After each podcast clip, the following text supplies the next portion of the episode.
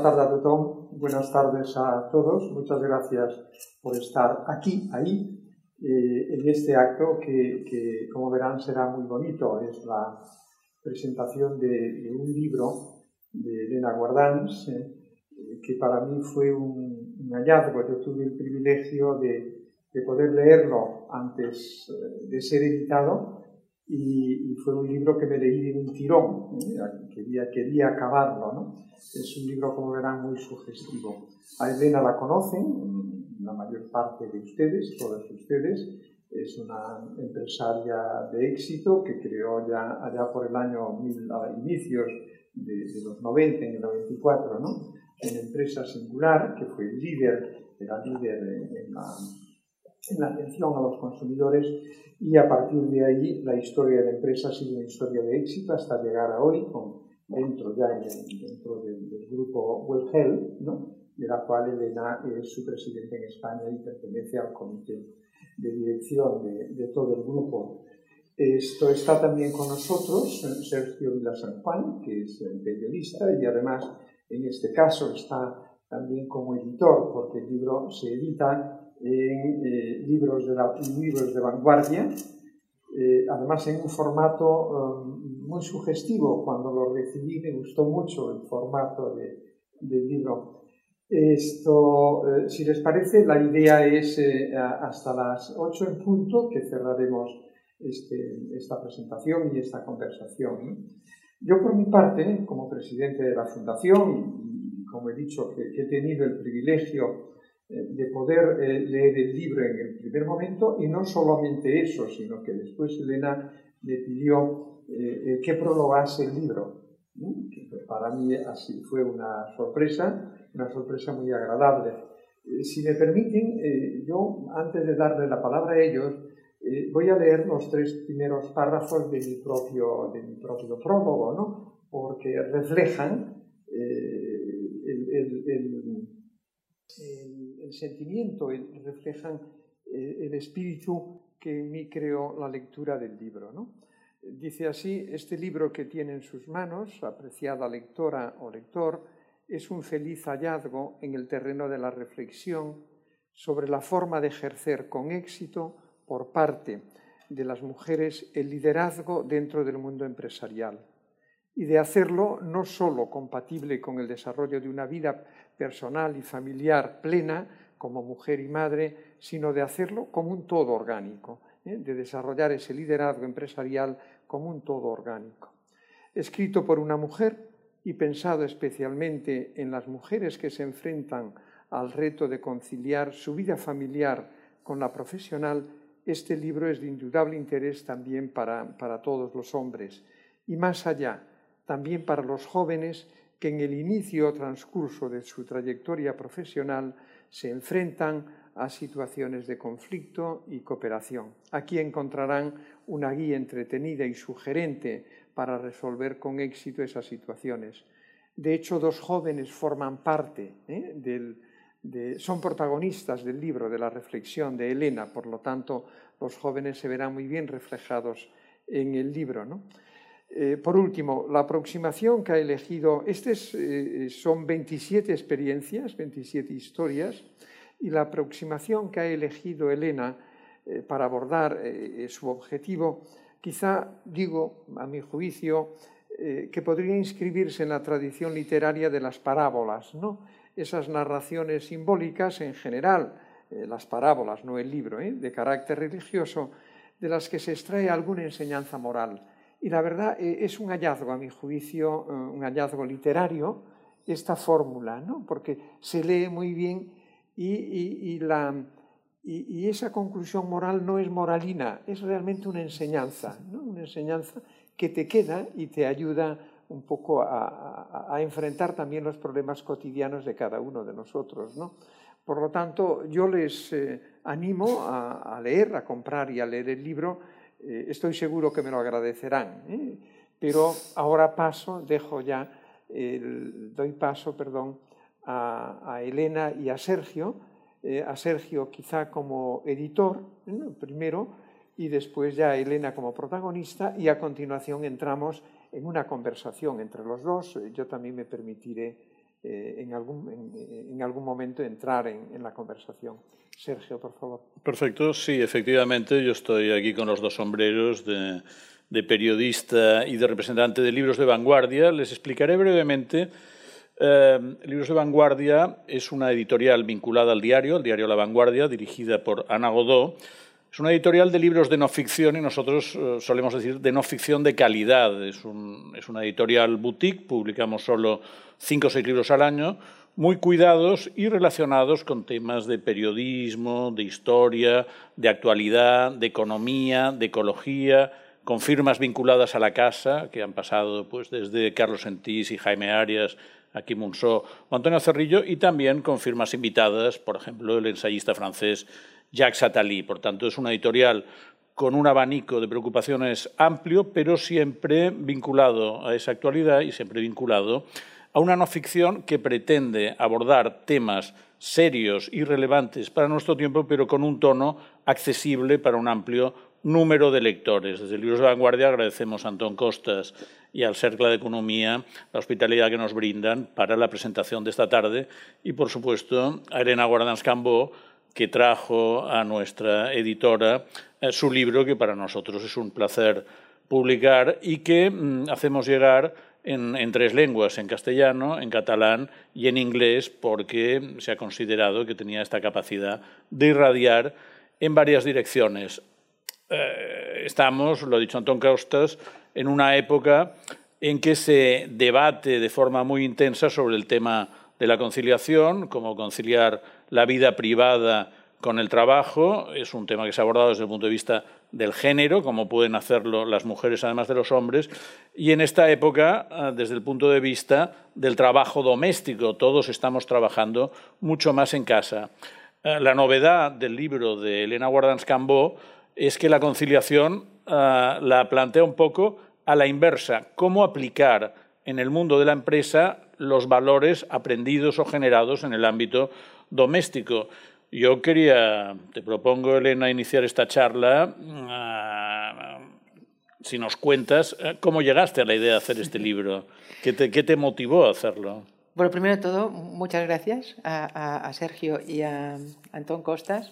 Eh, primero que prologara el libro, que para mí fue una ilusión increíble, porque cuando te mandé la propuesta pensé, quizás me dice que no tiene nada que ver con, con, la empresa y que esta historia no puede interesar. O sea, que cuando me dijiste que sí, pensé, ah, pues vamos por, por buen camino. O sea, que de verdad que aprovecho para agradecerlo.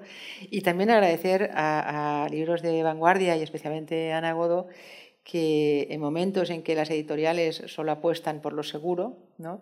pues que confiara en mí y en el libro, pues eh, lo agradezco muchísimo y os pido a todos que, lo compréis para que demostrar que han hecho una apuesta segura.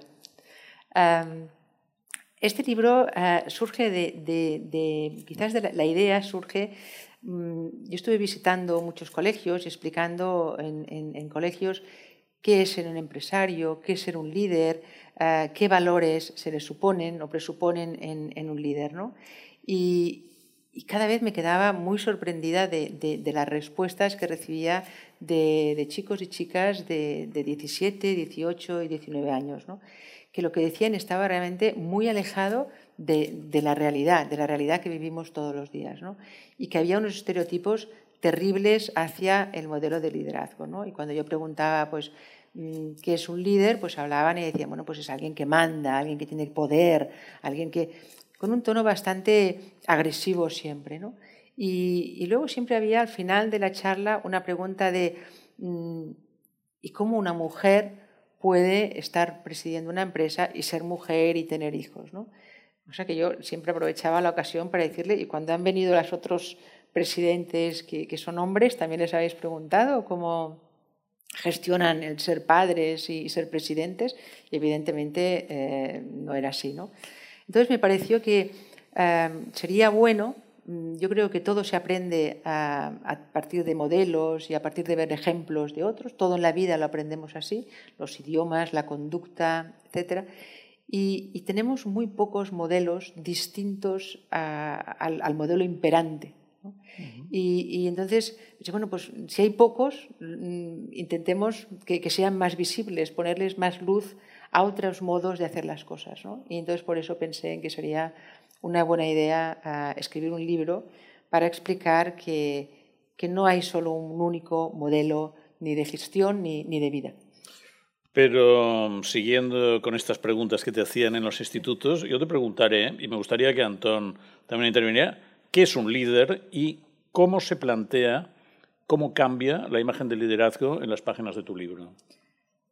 Yo creo que, que, un líder es, es, una persona que tiene la capacidad de, de, de tener una visión estratégica, de, de tener un proyecto y sobre todo de tener un magnífico equipo y involucrar a ese equipo para conseguir esa idea.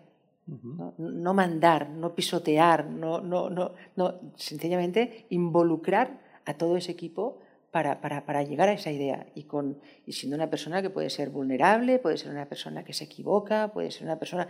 Pueden pasar todas las cosas, pero que tiene ese proyecto, esa idea y ganas de, que eso salga adelante, sea como sea.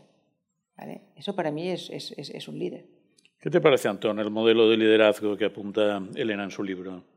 Y, una pregunta a los dos. ¿Habría una diferencia entre el liderazgo masculino y el liderazgo femenino o no? Voy a la primera y, espero después a que Elena eh, haga la... Eh, yo no sé si lo leí en tu libro, eh, Elena, o, en otro lugar, pero para mí el líder es una persona que hace mejor a todos los demás que trabajan con él.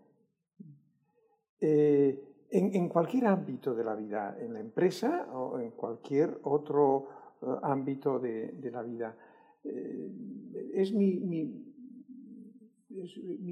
conclusión, ¿no? ¿qué es aquella, aquella persona que es capaz de, liderar algo? Porque puedes liderar con un látigo, ¿no? a lo mejor le pueden llamar a eso liderazgo, pero eso que vemos en las películas de los egipcios para hacerlas, ¿no? las pirámides y tal, pero no creo que eso... Yo para mí el modelo es el que ha descrito Elena y quizá le pondría eso, que yo creo que está en algún lugar del libro, que es cuando eh, tú eh, logras que todos los demás, todos los demás que están en tu empresa, en tu organización, sean mejores. Eh, para mí esta es la, es la clave de, de, un liderazgo. ¿no? Que sean mejores y que tengan o sea, sobre todo capacidad de desarrollarse, ¿no? O sea, que les des ese, ese aire, ¿no? O sea, yo creo que la, diferencia entre un líder sería lo justo lo contrario de un líder, sería el micromanagement, o sea, el controlar exactamente lo que hacen las personas eh, y obligarles a hacer las, cosas exactamente a tu manera, impides que la gente se, se desarrolle y que crezca. Sí, y, y yo creo que esto vale, Sergio, eh, para hacer una observación sobre, sobre nuestro país, sobre la, la, empresa de nuestro país. Eh, cuando, cuando nos preguntamos qué tenemos que hacer para mejorar nuestra capacidad de crecimiento, de crear riqueza, acostumbramos a mencionar lo que son tópicos no en el mal sentido de la palabra, mejorar la, el capital humano, mejorar la inversión, tal, todo eso sí. Pero eh, eh, eh, hay algo que no mencionamos con la insistencia que debemos, que es la calidad de la gestión de la empresa, el modelo de gestión de la empresa. Yo creo que es un hándicap en el caso español, porque es un modelo de gestión el que, el que tenemos, no, no, no en todos los casos, pero mayoritariamente muy jerárquico, muy autoritario. Decía antes, y es exagerado, muy de látigo. ¿no? Dice, es que eso no genera productividad. Eso no, no, no, no, no, no lleva a que haya una explosión de creatividad ¿eh? Eh, en, en, los colaboradores de la empresa. ¿no?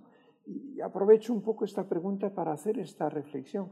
Yo tengo un párrafo que me viene a esto, dice, eh, digo, en un terreno como el, del liderazgo directivo, en el que abundan las, reflexiones perdón, presuntuosas teóricas, dogmáticas, grandilocuentes acerca de, lo que debe ser un líder, dice el lector encontrará aquí una visión fresca, amena, coloquial, desinhibida, que a mi juicio le cautivará y, enganchará, porque el liderazgo de Elena tiene esta, tiene esta capacidad ¿no? de, Vamos, eh, yo puedo seguir, pero quizá os dejo. ¿eh? No, yo, al hilo de lo que mire la parábola que digo yo, ¿eh?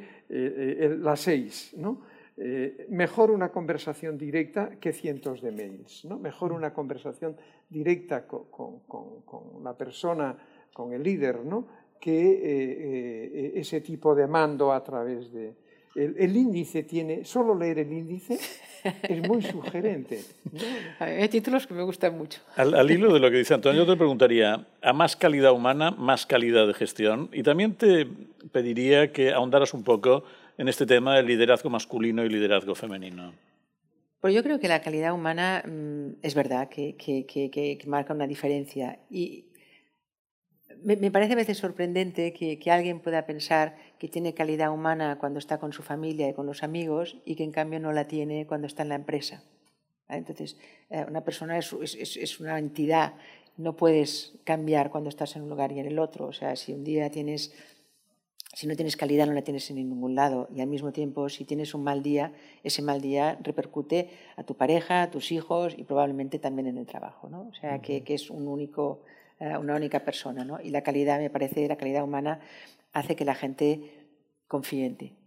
¿no? O sea, que lo que dices se lo creen. Y eso es, es, es, muy importante para lo que decía de que la gente siga tu proyecto en el sentido que se lo crea y que sean partícipes.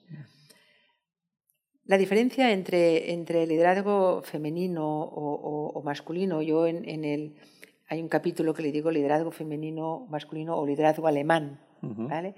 porque yo al principio cuando empecé a trabajar, que era una compañía alemana, eh, pues al final no sabía muy bien si las diferencias de cómo trabajábamos en España y, cómo trabajaban en Alemania, si se debía a que el presidente era alemán en Alemania y la presidenta era española aquí. Pero no mandaba allí todavía Angela Merkel, ¿no? Eh, no, no. Entonces no, pero bueno, yo creo que sí que al, final sí que estaba Angela Merkel, sí. Mm. Y, entonces yo recuerdo que eso, ¿no? Decía, no sé si, si se debe a distintas culturas o, o, realmente a, género, ¿no? Ah, yo creo que hay un poco de todo, hay un poco de todo. Pero sí que es verdad, y es un poco lo que decía antes, que como no hay mm, muchos modelos que podamos mirar como, como ejemplos, tenemos un modelo que se ha sentado como el único modelo de liderazgo. Y entonces en ese modelo se entiende que un líder es una persona que toma las decisiones solo o, sola, es una persona que decide inmediatamente, que no escucha, que lo tiene todo muy claro, que, que, tiene la información para sí. Eh, y eso es un líder, y eso es la persona que da confianza. Teniendo ese modelo, eh, es difícil que cuando vayas a, promocionar a una persona, eh, descubras o sencillamente la veas a una persona que, antes de decidir quiere mm, discutir otras opiniones con otros, eh, quiere saber cómo lo están haciendo, quiere compartir información, puede generar dudas, puedes decir, esta persona nunca puede ser un buen líder, porque el buen líder lo tenemos visualizado de otra manera. Eh, entonces, ¿es femenino o masculino? Yo creo que es el modelo que predomina. Y el modelo que predomina, no nos engañemos, es masculino. Tú, Antón, que tanto, tantos temas de la empresa has estudiado, este, esta diferenciación entre el liderazgo masculino y el liderazgo femenino, tal como se plantea en las páginas de Elena, eh, ¿cómo lo definirías o cómo lo analizarías? ¿Y con cuál te quedarías, si hay una diferencia? Lo políticamente correcto ahora sería decir que es mejor el liderazgo femenino, ¿no? Eh, pero honestamente no soy, capaz de, no soy capaz de hacer este tipo de afirmación. Eh, yo he trabajado con, con, con, hombres mm, con una gran capacidad de liderazgo y también con mujeres. Eh, cuando, leo, cuando leí el libro de Elena, no lo estaba leyendo como un libro escrito eh, eh, por una mujer. Eh, lo estaba leyendo como un libro de, una persona que tiene esa experiencia y esa capacidad de liderazgo y que además es mujer. si, la cuestión es mandan peor o, mejor, o peor, Eh, me viene, Sergio, ahora, este fin de semana me, he visto la primera entrega de la cuarta serie de The Crown. Eh, y la verdad porque tenía interés en, Margaret Thatcher, ¿no? no tanto por la reina. Bueno, aquellos que lo hayan visto eh, verán que la primera reunión de, Margaret Thatcher con la reina se plantea esta cuestión y la reina queda sorprendida de la respuesta que le da Margaret Thatcher acerca de... El liderazgo femenino. Exactamente, ¿no? Eh, queda muy sorprendida. Dejo a, los, a las personas que nos vean ahora que vean cómo le responde, ¿no? Pero bueno, hoy en Europa estamos mandados por tres mujeres. Angela Merkel, citada, la presidenta del Banco Central Europeo y la presidenta de la Comisión Europea. ¿no? Y en Estados Unidos ha habido también, además de estar Pelosi al frente mm. del Congreso, por primera vez una vicepresidenta mujer, es también un signo de cómo el liderazgo femenino también en la política va ocupando su lugar. Eh, estaría resulta, Sergio. Lo que pasa es que yo mm, aquí, eh, yo creo que el liderazgo femenino mm, puede ser ejercido por, por, hombres y por mujeres y el liderazgo masculino, lo que se entiende por liderazgo masculino, puede ser practicado por, por hombres y por mujeres. O sea, que no, no pondría el, el, liderazgo masculino, o sea, yo digo, hay un modelo de liderazgo que hemos clasificado como masculino porque mm, principalmente mm, los que están liderando son hombres, ¿vale? y entonces se entiende como que es masculino, y el que se diferencia de este lo hemos definido como femenino pero en los dos tienen cabida hombres y mujeres. Sí, sí, sí. Sí, ¿Eh? eso es lo que quería decir, eh, que yo leí el libro no, como, no, no, no, como un libro de género, digamos así, sino como un libro de... A mí, a mí me, ha alegrado mucho con, con el libro la, la, la, primera felicitación que recibí fue de un señor que me dijo, mm, me he sentido totalmente identificado. Pensé, oye, qué, alegría, ¿no? Qué, qué, qué alegría que, que me diga eso, ¿no? Porque es justamente lo que quiero, no es un libro... Yo creo que en el, en el libro se nota, Elena, y, es algo que siempre he admirado en ti, eh, porque hay, eh, hay una preocupación, siempre te lo he escuchado, ¿no? Por, por, mm, eh, por atraer talento siempre, ¿no? Por también un esfuerzo por, por retenerlo y por desarrollarlo. No lo he encontrado en muchas personas. Y en el libro está de forma manifiesta y, creo que también en tu, en tu empresa. ¿no? Eh, este es un aspecto para mí de liderazgo, que bueno, que si me viene en este caso de, de una mujer, pues, eh, pero creo que, que, pertenece a la esencia del, del, liderazgo que Elena ha sabido desarrollar a lo largo de su trayectoria empresarial, profesional y que, que creo que su, aún recuerdo, me alargo, aún recuerdo un debate que hubo aquí no hace mucho tiempo, ¿no? donde yo desde la sala te pregunté una cosa, ¿no? de, la, idea, Elena, eh, eh, para defender la, conveniencia de que las empresas eh, subiesen hacia arriba más mujeres ¿no? y, que los, los, equipos fuesen, tendiesen al menos a la paridad, en un momento Elena dijo que, que eh, eh, que eso era bueno. ¿no? Entonces yo le pregunté, mm, un poco provocativamente, si eso se manifestaba en la cuenta de resultados. ¿no? Ya lo veo como un gran objetivo y en sí mismo pues ya, lo, ya participo de él. Pero en la cuenta de resultados le dije, Elena, ¿se nota? Y ella me dijo de forma rotunda, sí, se sí, nota. Se nota sí, sí. Yo de vez en cuando lo, lo utilizo esta cita. ¿no? De, sí, sí. Bueno, tú, mm, una de las cosas que planteas es que es muy importante la empatía y ponerse en la piel del otro. Haces un cierto elogio del liderazgo humanista, que es imposible no simpatizar. Pero por otro lado, eh, yo pensaba, en aquella frase del filósofo francés, eh, tout comprendre, c'est tout pardonner. O sea, si lo entendemos todo, al final lo perdonamos todo. Eh, la necesidad de empatía dentro de la empresa no choca en algún momento con el muro del realismo y de la necesidad de la eficacia. Puede causar esta, esta impresión. ¿eh? Yo, alguna vez se me ha dicho en alguna reunión en que yo escucho las opiniones de los demás, que se me ha dicho, sí, sí, tú escuchas, pero luego tú decides lo que quieres.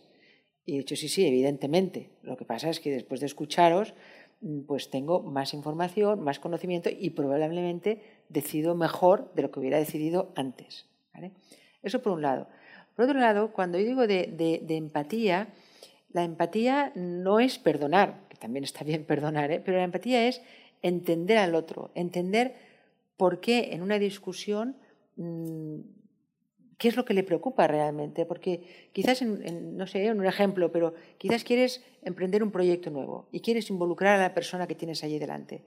Y, tú estás intentando convencerlo de, las maravillas de ese proyecto. Y le explicas todas las maravillas de ese proyecto, pero sigues viendo una actitud reticente, incluso agresiva contra ese proyecto que a ti te parece lo mejor de lo mejor para el proyecto, para la empresa, incluso para esa persona. ¿no? Claro, tienes que hacer un esfuerzo de, empatía en el sentido de entender, decir, ¿qué es lo que le está preocupando a esta persona que yo todavía no he sabido ver? ¿Por qué tiene esa actitud? Porque si lo único que pretendo es repetir lo que estoy diciendo diez veces para ver si le convenzo, no lo voy a conseguir. No, no, no, voy a hacer a esa persona que entre en el proyecto. Pero si de pronto entiendo y digo, vale, esa persona lo que está pensando es que le voy a quitar equipo, eh, que lo estoy quitando del equipo, le, estoy dando inseguridad, eh, está perdiendo poder, porque ahora tiene un equipo por debajo de 10 personas y lo estoy pasando a un proyecto con 3. Mm, entonces, si ya sé que eso es lo que le preocupa, pues ya voy a explicarle que no es una pérdida de poder y ya voy a ir justamente a, atacar lo que a, esta persona le está preocupando. Y eso yo creo que es lo, importante, o sea, el entender. Y eso es tanto en, discusiones en la empresa como muchas veces lo digo, nosotros nos dedicamos a dar servicio al consumidor. Pues muchas veces cuando llama un consumidor, un cliente que, está enfadado, pues es importante entender cuál es la situación de esa persona. Oye, perdona, te está llamando una persona que tiene un problema con su coche, pero es que ese coche, esta persona es un taxista. Para un taxista tener un problema con el coche es, es, es una barbaridad, o sea, deja de facturar cada día que el coche lo tiene en el taller. O sea que lo normal es que cuando te llama esté nervioso y así tienes que entenderlo. No, no es un enfado, no, no va contra ti, va contra el mundo en general porque se ha quedado sin coche y sin poder facturar. Y cuando tú entiendes eso, mm, pues tratas mucho mejor a esa persona que te está llamando, porque, porque ya sabes que no está yendo contra ti, está yendo que, hombre, que es muy grave para esta persona no poder conducir. Yo creo que vamos a pasar un momento del ámbito de la empresa al ámbito doméstico, porque eh, tú proclamas todo lo que aprendí de mis hijos y no me enseñaron en la escuela de negocios. Yo me acuerdo en el colegio nos daban los diez mandamientos que al final se podían resumir en dos. Bien, eh, ¿qué es todo lo que aprendiste de tus hijos en dos conceptos? Uh, en dos conceptos. pues mira, primero es eh, Claro, con los hijos aprendes que por encima de todo con los hijos lo que tienes es mucho amor. Entonces que todo va con un filtro de amor que quizás en la empresa no vas con tanto amor. ¿vale? O sea que con los hijos siempre va todo filtrado con, mm. con mucho amor. Pero sí que aprendes con los hijos a... Yo creo que una cosa importantísima que es que los hijos te enseñan a que de un día para otro tu vida cambia y, ves clarísimo algo que antes no habías visto nunca que es lo que es importante de lo que no lo es. Y eso lo aprendes con los hijos. El primer día que tienes un hijo y acabas de descubrir qué es lo que, lo que importa en la vida y lo que realmente tiene valor, pero tampoco es tan importante. Y eso mm, y esa relatividad te ayuda muchísimo luego para todo, para todo. ¿vale? eso pues lo aprendes con, con los hijos. Y, luego los hijos son, es el comportamiento de los hijos, que como es, digamos así, sobre todo cuando son pequeños, porque pues no, no, cuando son mayores, pero que es tan primario que, que, te permite ver cosas que luego finalmente seguimos siendo iguales, no cambiamos tanto. Lo sigues viendo luego en, en, en, la compañía. Y dices, claro, es que esto es esto. Lo que pasa es que tus hijos te lo demuestran de una forma mucho más evidente. Te hacen una pataleta, te gritan, te lloran es como mucho más evidente, ¿vale? Pero, pero, y en cambio la empresa no te hacen una pataleta, pero te la están haciendo igualmente, o sea, es distinta, por supuesto, y tienes con mucho cuidado del vocabulario de no, mm, que no se consideren que los estás tratando como niños, ¿no? Pero, pero todos seguimos teniendo pataletas. A mí personalmente me ha... Hace poco encontré un, documento de, un escrito que, que, tenía guardado mi madre de, mi informe de cuando yo iba al parvulario. Y, y me lo leí y de verdad, no he cambiado tanto.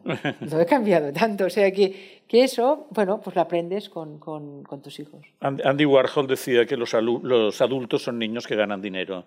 Pues, pues... Antón, ¿tenía que ser una empresaria, empresaria la que nos recordara la importancia del ámbito doméstico o de los valores domésticos en el mundo de la empresa? ¿Cómo, cómo has visto tú esta concomitancia entre dos esferas aparentemente separadas? Está bien. Eh, yo al principio, em, ese recurso eh, de, Elena de utilizar la familia, los hijos, ¿no? Eh, lo vi arriesgado, ¿no? porque como recurso literario está muy bien, pero pensaba, uy, te puede llevar a, un producto un poco ñoño, por decirlo así. ¿no? Y, eh, sin embargo, eh, no es así. Está, eh, está comedido y consigue, lo que decía al principio, consigue hacer un todo orgánico la visión de, de, la mujer como madre, como madre y la mujer como empresaria. En ese sentido, creo que sí, que probablemente este libro no se podría escribir fácilmente por un hombre, a mi juicio que este es un libro en ese sentido, ¿eh? Eh, no feminista, sino en ese sentido es un producto eh, que, que, solo puede elaborar y construir una mujer que tenga esta plenitud, ¿no? como mujer, como madre y como, como empresaria, como emprendedora. Si esta era tu este pregunta, creo que sí. Sí, pero iba a una segunda parte que es tú, tú, Antón Costas, eh, ¿Cómo lo has vivido esta contraposición entre el mundo del trabajo y el mundo de la familia y de los valores domésticos? si tuvieras que escribir tú este libro con el mismo título. Hay que confesarse en público. Eh, yo, me, yo me he visto muy favorecido por el hecho de que mi mujer, que ha compaginado también, en ese caso, la, la vida eh, familiar, de pareja, la, familiar como madre y la profesional como médico y, profesora de universidad. Yo me he visto muy favorecido por el hecho de que ella ha desarrollado en mucha mayor, medida que yo esa función. Yo no podría escribir. eso, era lo que quería saber. A mí hay un punto que me ha parecido interesantísimo eh, para nuestra sociedad actual, que es que hablas del agobio, que es esta sensación tan recurrente y que a todos nos fastidia tanto. Y tú das los consejos para no agobiarse. Me gustaría que los explicaras, porque creo que pueden ayudar a mucha gente. Esto es muy práctico. ¿Cómo no agobiarse? Bueno, yo creo que eh, el agobio, como tú dices, es algo que, en, o sea, en, la sociedad que vivimos es, es terrible y, además en, todas las edades y, en todas las profesiones, tanto en la gente del arte, la gente que está en la empresa. Eh, el agobio es algo que, está allí y, entre otras cosas, es porque vamos recibiendo impactos todo, el día, todo el día, todo el día y, no hay forma de, tener un momento de, tranquilidad. ¿no? Y, siempre tienes muchísimas cosas pendientes de hacer. Entonces, em, el truco, digamos, el truco es vivir el momento presente, vivir el momento eh, eh, en el que estás, en la situación en que estás. Y, además, no solo vivirla, sino cada situación a la que vas a entrar, prepararla. No pasar de una situación a la otra sin, tomar conciencia que estás dejando una situación para entrar en otra. Y, hacerlo mm, mm, visualmente, es decir, eh, pues yo cuando salgo del despacho no, no, me voy hablando por teléfono y cierro y dejo las luces encendidas, no. Acabo una conversación en el despacho, mm, dejo el ordenador apagado, miro la mesa, o sea, estoy cerrando el despacho y me estoy yendo y, veo qué es lo que me queda pendiente para mañana y lo que hago, lo que he hecho, lo que no he hecho. Entonces salgo, salgo del despacho. y, me voy al coche y, llego a casa y, si, en el coche quizás estoy haciendo llamadas pendientes que, tengo. Mm, aunque prefiero ponerme audiolibros y, hacer una mm. transición más fácil. Pero bueno, puedo tener con llamadas. Pero si llego y estoy, por ejemplo, entrando en casa y estoy hablando por teléfono, ah, pues yo vivo en una, en una casa que está en una plaza, probablemente si no llueve me quedo sentada en la plaza terminando la llamada antes de entrar en casa. Y entonces ya entro en casa, y entonces ya estoy en casa, con mis hijos, con mi pareja, y, eso, y, estoy allí concentrada en eso. ¿Quiere decir eso que yo no pueda trabajar por la noche? No, no, yo puedo trabajar por la noche, pero si por ejemplo yo trabajo por la noche y escribo mails, no los voy a mandar, los voy a guardar en la carpeta de borrador y allí se van a quedar los mails. Y ya los mandaré al día siguiente, o si es un sábado, ya los mandaré el lunes. Entonces, porque es respeto por mi vida y sobre todo respeto por la vida de los demás, por la vida de los demás. O sea, yo en este libro no me gustaría que se confundiera que cuando yo digo eh, los hijos y, la vida profesional, cómo van de, de, intrincados los unos con los otros, no quiere decir que estén mezclados. O sea, cuando estoy con unos, estoy con unos, y cuando estoy con amigos, estoy con amigos. Y, yo creo que eso es ir poniendo trucos para, para, para poderlo hacer. Ya ven lo que hay que hacer para no agobiarse. Pero esto nos lleva a un tema que está en tu libro, que me gustaría contar con la opinión de Antón sobre este asunto, que es el tema de los horarios. O sea, tú planteas que para hacer un poco esta compartimentación hay que hacer horarios.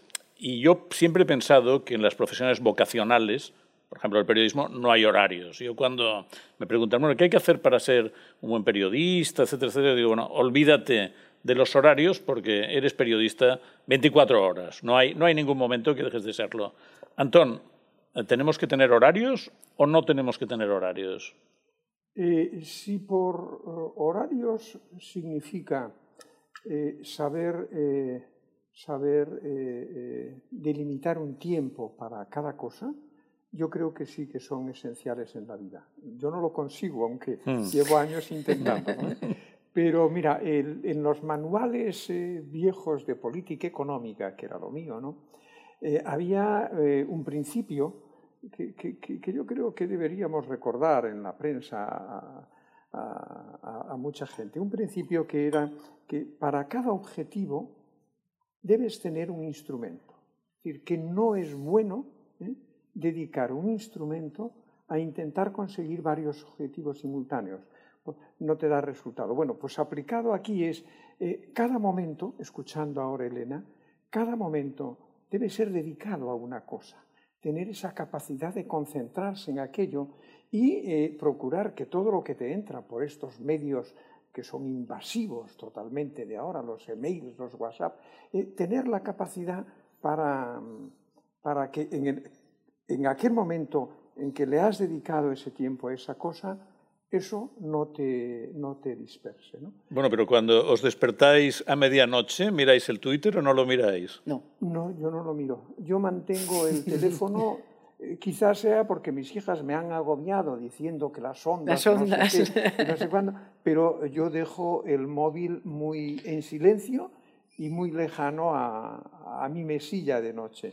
digamos así. Pero, por ejemplo, aquí yo pongo truco, pongo el móvil en, en, en situación de dormir. En dormir.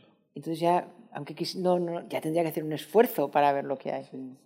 Pero yo creo que esto es importante. Yo eh, en, un tiempo estuve en la alta dirección de una empresa importante y hubo un momento en que se decidió prohibir subir los correos electrónicos y que la gente subiese, supiese que el hecho de que tú eleves un correo no significa para nada que, eh, que, tú puedas pensar que el otro te lo va a leer. ¿no? Mm. Es decir, poner límites. Eh, a mí personalmente los correos electrónicos y los WhatsApp me han bajado la productividad, claramente. ¿no? claramente. Por lo tanto, mi idea sí que a tu pregunta es esa, que debemos poner horarios a las cosas. Y cuando pones horarios, acabas siendo más eficaz. Lo acabas siendo. Lo que no quiere decir, ¿verdad? Que no estés, o sea, por ejemplo, ¿eh? a mí me gusta mucho nadar y, nadar para mí es un momento casi zen. Es decir, tengo la mente totalmente que solo cuento piscinas, o ahora que aprovecho que estoy en Mallorca y, voy nadando en el mar, pues brazadas que doy, o sea, y realmente mente en blanco. Pero de pronto, pam, te viene una idea. O sea, mm, no, puedes delimitar y decir, ahora estoy solo aquí, no puedo pensar en otras cosas, etc. De pronto te viene una idea y, las aprovechas, claro que las aprovechas. ¿no?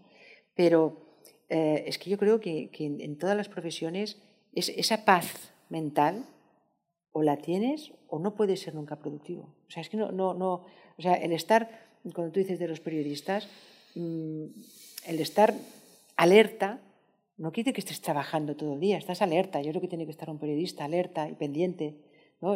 pero, pero, pero, tiene que saber eh, eh, desconectar para, para, para, para, poder percibir esas alertas, porque es que si no tampoco las ves. Elena, tú dices que tu marido, que es un conocido publicitario y escritor, una de las cosas que más has apreciado de él es que te sabía escuchar. ¿Cómo, cómo hay que escuchar? Escuchar es, es, es muy difícil y como casi todo se, se tiene que aprender. ¿no? O sea, no es evidente. Eh, normalmente nos equivocamos y cuando escuchamos, cuando estamos escuchando a una persona, la mitad de lo que dice ya no lo escuchamos realmente, porque escuchar quiere decir escuchar las palabras, ver los gestos, la mirada, los movimientos, los nervios, ver, eso es escuchar, verlo todo. Y, normalmente no escuchamos. Normalmente cuando ya empezamos a oír lo que nos dice, ya estamos pensando lo que vamos a contestar y probablemente ya estamos pensando qué es lo que haría yo si fuera esta persona. Y ya estamos pensando qué le vamos a dar de solución. Y eso es lo que entendemos que es escuchar. Y, y entonces la solución que le estamos dando a esa persona es lo que yo haría. Yo, no esa persona. Y la que te está explicando el problema es esa persona, que no tiene nada que ver contigo, ni su situación, nada. Entonces, con, con, mi marido, al principio, eh, pues es creativo eh, y, claro, yo le empezaba a contar algo mm, y enseguida, pues como hemos, hemos, trabajado juntos, eh, viene también del mundo de la empresa, pues enseguida me daba una solución. Yo decía, no, no, si no estoy buscando una solución, o sea, solo quiero relatar mi, situación. Además, en, cuando estás en algunos niveles de la organización, tampoco tienes a tanta gente donde, a quien puedas explicarle por lo que estás pasando. ¿No? No, no, no puedes transmitir miedos y preocupaciones a la gente que está trabajando contigo. Entonces, tener eso, pues si, cuando alguien te escucha, no es que estés buscando una solución, solo quiero hablar, que se me escuche, poder. Y probablemente cuando, cuando lo hablas, quizás te ayude más las preguntas que te, hace esta persona, y esto es lo que he logrado con, con, mi marido, ¿no? pues las preguntas que te hace te hacen encontrar, ah, pues oye, pues podría ir por aquí, o, ver lo mismo que tú estás contando de otra manera. ¿no? Pero eso es escuchar. No, no, y yo creo que, que muchas veces en, en, reuniones, eh, yo creo que estáis de acuerdo conmigo, ¿eh? pero muchas veces en reuniones la gente está más pensando en qué voy a preguntar o qué voy a decir que realmente escuchando lo que la otra persona está explicando. Antonio, ¿hay, mucha soledad arriba de todas las organizaciones? Eh, sí, yo creo que sí. Además es que eh, por muy eh, colectiva que sea el proceso de, toma de decisiones, hay un momento que en cada nivel de la organización la decisión es finalmente muy personal, ¿no? Y eso implica un nivel de, eh, un nivel o, un momento de soledad. Yo creo que eso sí es, inherente a, eh, no, digo a la jerarquía, es inherente un poco al proceso decisional eh, en cualquier plano que, tenga lugar ese proceso. Es que a mí me parece que es, obligatorio que sea así, es decir, según qué posición en la empresa, no tienes derecho a, transmitir tu estrés a la otra gente. A mí me parece que no, que, no toca. O sea, eh, tienes que saber transmitir pues, a la gente pues, los objetivos, eh, la responsabilidad que tienen, etcétera. Pero no puedes estar diciendo siempre, oye, que es que si no, es que este cliente nos va a echar. O sea, no tienes que estar siempre. Es una preocupación que, que, personalmente puedo tener y, y, puedes transmitir, oye, lo tenemos que hacer bien para mantener al cliente. Pero es muy distinto decir, tenemos que hacerlo bien para, para mantener el cliente que estar transmitiendo siempre el miedo, oye, que quizás este cliente nos va a echar. ¿vale? Y, esa es una preocupación que yo creo que no tienes que estar constantemente cuando tienes un problema, una preocupación con los socios, con, ah, yo creo que tiene que ser un poco, cada uno tiene que aguantar su nivel de, estrés y, no pasarlo. Y hay gente que, que, lo transmite todo, o sea, todo lo que le entra le sale. Y, no me parece que sea, que sea lo correcto. Pues viven, viven, más tranquilos, ¿no? Quizás. No lo creo, ¿eh? No, lo creo, no lo creo. Oye, ¿en qué momento hay que alzar la voz, especialmente si eres mujer? Yo creo que, que se, tiene, se tiene que alzar la voz eh, muchas veces, pero no es alzar, es hacerlo visible. ¿no? En, eh, estaba una vez en una reunión en, en Chicago, en una reunión de, de, un foro de International Women Forum, y no es mi caso hoy, pero me decían, siempre que vas a una reunión tienes que ponerte una blusa de color. Y, había una reunión que eran como 500 mujeres y bueno, todo un colorido, aquello increíble. ¿no? ¿Y, ¿Y por qué lo decían? Pues decían, porque cuando hacen las fotos, así inmediatamente se ve en esa foto que solo hay una mujer, porque allí es la blusa de color. Y eso es muy importante, que, que, que, se, que se, visualice eso. O sea, cuando vemos todas estas fotos de, de, uh, de ministros, de reuniones de europeas, de tal, uh -huh. sí que puede haber una presidenta, puede haber, pero ves unas reuniones en que todos son hombres. Y nos parece normal. Pero si en cambio ves una blusa roja, uh -huh. las chaquetas de Angela Merkel, pues, pues, pues te, te, choca más. Allí ves. Entonces, en ese sentido, yo digo de alzar la voz. ¿no? Y, y por ejemplo, en, en, en reuniones, uh, yo creo que, que en eso tan, los, los, hombres tienen que hacer un esfuerzo en, en dar palabra a, a, las mujeres, en dar la palabra, porque no se la toman con la facilidad que se la toman los hombres. Me comentabas también que lo habías visto, por ejemplo, en comidas y cenas, ¿no? Sí, que... con, con, con, con, amigos, o sea, no hace falta que sea solo en trabajo, ¿no? O sea, yo lo he visto en, en, en reuniones hace poco, ¿no? Estaba en una, en una cena que se estaba, había una presentación de, de, de, una persona y estábamos en esa cena para que le hiciéramos preguntas a esa persona y que discutiéramos de política, etcétera, y éramos el mismo número de hombres que de mujeres. Y solo hablaban los hombres, solo hablaban los hombres. Y, y, y a mí me, de pronto digo, no, no, no, tengo que hablar, pero es realmente es tomar una posición activa. Empoderamiento, ¿no? Sí, decir, no, tengo que hacerlo, tengo, pero tienes que, porque no es fácil, o sea, no, no, no es fácil y, y no se dan cuenta. ¿Estás no de acuerdo, Antón, con esta sí, definición sí. del fenómeno? Sí, sí. Yo eso lo, eh, eh, hace años y presidiendo algún consejo eh, donde había mujeres, aunque en menor proporción, eh, sí que notaba eso, que las eh, mujeres hablaban menos, aunque cuando hablaban eh, tenía mucho más sentido un poco lo que decía, sin, sin querer ahora hacer concesiones, pero sí que, creo que hay que hacer un esfuerzo tanto personal eh, por parte de la mujer cuando está en esas situaciones para decidirse a hablar eh, eh y, también en aquellas personas que, dirigen esa, reunión o, esa organización también tener esta... Sí, me parece muy importante. Hay, hay, hay, creo que sí que, que hay que tenerlo, ¿no? Yo, quizá en, en mi experiencia académica, ¿no? Eh, hay, yo tengo un mayor número de mujeres, de chicas jóvenes, en este caso mejores estudiantes que de hombres. Pero noto que eh, eh, la, la, productividad de los chicos buenos en relación con las eh, chicas buenas es mayor en la de los chicos, porque me da la impresión de que ellos hay un momento en que creen que ya saben lo suficiente para poder sacar aquella nota que quieren y ya no siguen. Mientras que las chicas eh, tengo para mí que quieren asegurar ¿no?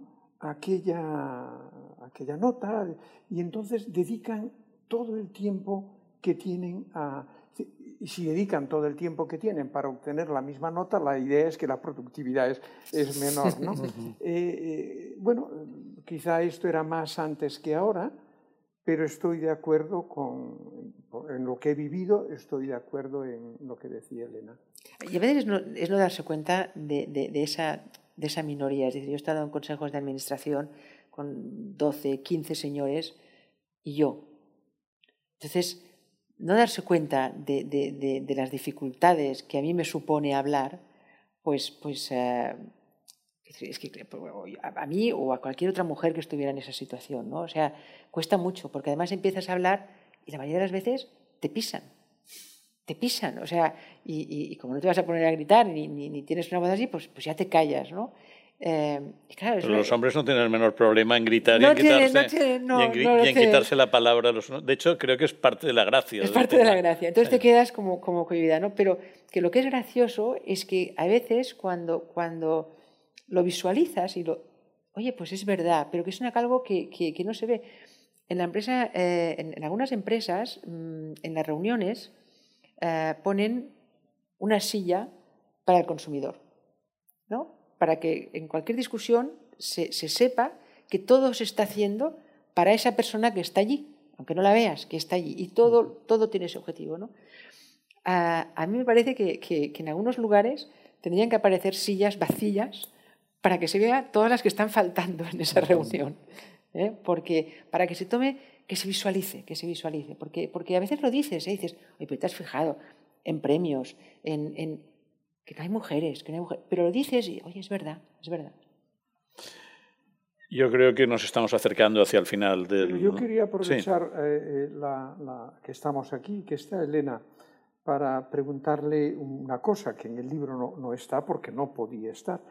Eh, ¿Ha cambiado la pandemia esto, las características o los rasgos del liderazgo? te lo digo porque yo me noto eh, muy reacio a la idea de que el teletrabajo sea mm, la maravilla. a todo, a la conciliación, a todo. Y lo veo más bien como un riesgo, especialmente riesgo para la gente más joven de las organizaciones. ¿no? Pero, bueno, estoy en algunos consejos de administración, pero eso no me toca, pero sí me hago la pregunta de cómo, está, eh, cómo estáis vosotros gestionando esta situación. Yo creo que es muy importante lo que estás diciendo de, que se tiene que saber quién está teletrabajando, porque a veces ves, eh, te están hablando de grandes compañías de Silicon Valley que les ofrecen a todos sus trabajadores que trabajan desde casa, que son gente con un poder adquisitivo enorme y que se van a ir a vivir a, unas mansiones magníficas y que van a hacer teletrabajo. Vale, esto es un tipo de teletrabajo y es una cierta manera. Eh, la mayoría de la gente no vive así. Y teletrabajo quiere decir, en el caso, por ejemplo, de la gente que trabaja en WebHelp, teletrabajo quiere decir muchas veces pues, que vives en pisos reducidos, que vives con pareja, la mayoría de ellos si tienen hijos son hijos pequeños, eh, o vives o compartes piso con amigos y compartes unos pisos donde, donde pensabas mm, tener una habitación para ir a dormir y punto, no pensabas estarte allí mm, todo el día trabajando. ¿no? O sea que a la hora de pensar la gente que está trabajando desde casa, eh, tenemos que ver cómo está trabajando la gente desde casa y no hacernos la idea de otra idea de la que es la realidad. dicho esto, la gente mm, desde casa pierde mucho pues, todo el el entorno de, los compañeros de trabajo, que eso te da una fuerza y una energía. Eh, es verdad que tienes pues, todos los, Zooms y Teams y todo para hablar con la gente, pero no es lo mismo. O sea, yo pues mm, eh, cuando voy al despacho estos días, pues cuando llego, pues en el ascensor encuentras a uno. O sea, todas las mini conversaciones que tienes, ves a más gente y, transmites más energía de que no has transmitido en semanas en una conversación de, de Teams, ¿no? o sea, que en ese sentido creo que, la gente está sufriendo, mm, que mucha gente, mm, como pasa muchas veces, todavía no es consciente de todo lo que está sufriendo, pero que en cambio lo percibes porque cuando empiezas a hablar con esta gente, con, algunas personas, de pronto dices cualquier cosa y se te pone a llorar o, dices, pero si no he dicho nada. O sea que cualquier cosa eh, salta enseguida. o sea, la gente está muy, muy, muy sensible. Y nosotros, por ejemplo, en, la empresa hemos hecho un gran esfuerzo para que la gente se sintiera, a pesar de la distancia, se sintiera parte de, esa gran familia, de, ese gran entorno. Y hemos invertido muchísimo pues, en, organizar actividades desde yoga, concursos de fotografía, concursos de música, ah, actividades para los más pequeños. Mm, eh, y yo personalmente he escrito cada semana de haber sabido que duraría tanto, no sé si me hubiera comprometido a hacerlo cada semana, eh, una carta a, todos los empleados. Y en mm. esa carta, pues hablo de, temas de la empresa mm, para dar seguridad a la gente, decir, oye, la gente, la, empresa, seguimos trabajando y agradeciendo cada día, en cada carta agradezco todo el trabajo que están haciendo todos, porque al final eh, es el trabajo entre todos el que nos va a permitir mantener la empresa. Em, y luego les cuento situaciones personales mías. De, decir, mm, pues por ejemplo, pues oye, ha sido el cumpleaños de, mi hija Laura y de mi hijo Oscar, los dos cumpleaños la, misma semana y lo hemos celebrado por, también por Zoom. ¿vale? Y, bueno, es, pues, pues, es triste, es muy triste. ¿vale? Y, de pronto que puedas mm, mostrar vulnerabilidad, eh, que, que, que tu situación es, la gente se siente como mucho más próxima y yo creo que ahora esto ya es parte de, de, de, la vida ¿eh? y, que es como, como eh, no, puedes estar ahí arriba. Hoy estamos todos en una situación eh, que nos, nos, nos, toca a todos y, la gente yo creo que, que, no se va a quedar solo con la idea del teletrabajo, pero sí con una cierta libertad que permite el teletrabajo, que te permite una flexibilidad que hasta ahora no teníamos, mm. pero Mm, y, por supuesto el entorno de trabajo pues tiene que ser otro. Pues tendremos que trabajar en, que el entorno de, las oficinas sea todavía más, más acogedor más welcoming que, la gente se sienta mejor para bueno para que te compense realmente y que haya una gran diferencia entre estar en casa y estar trabajando y, que facilite el contacto con las personas que es que es realmente importantísimo.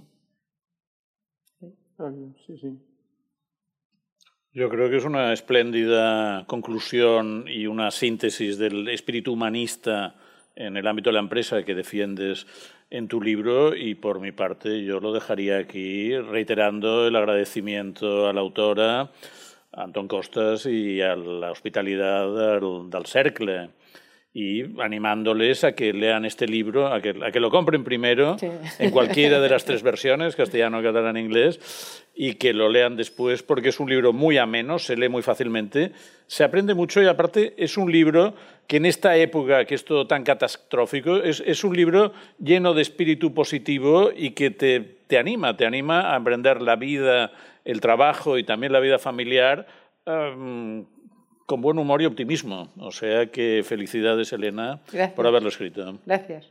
Y por mi parte, agradeceros la oportunidad de tener esta, esta conversación al final de esta tarde. Es una delicia. Muchas gracias. Muchas gracias. Muchas gracias.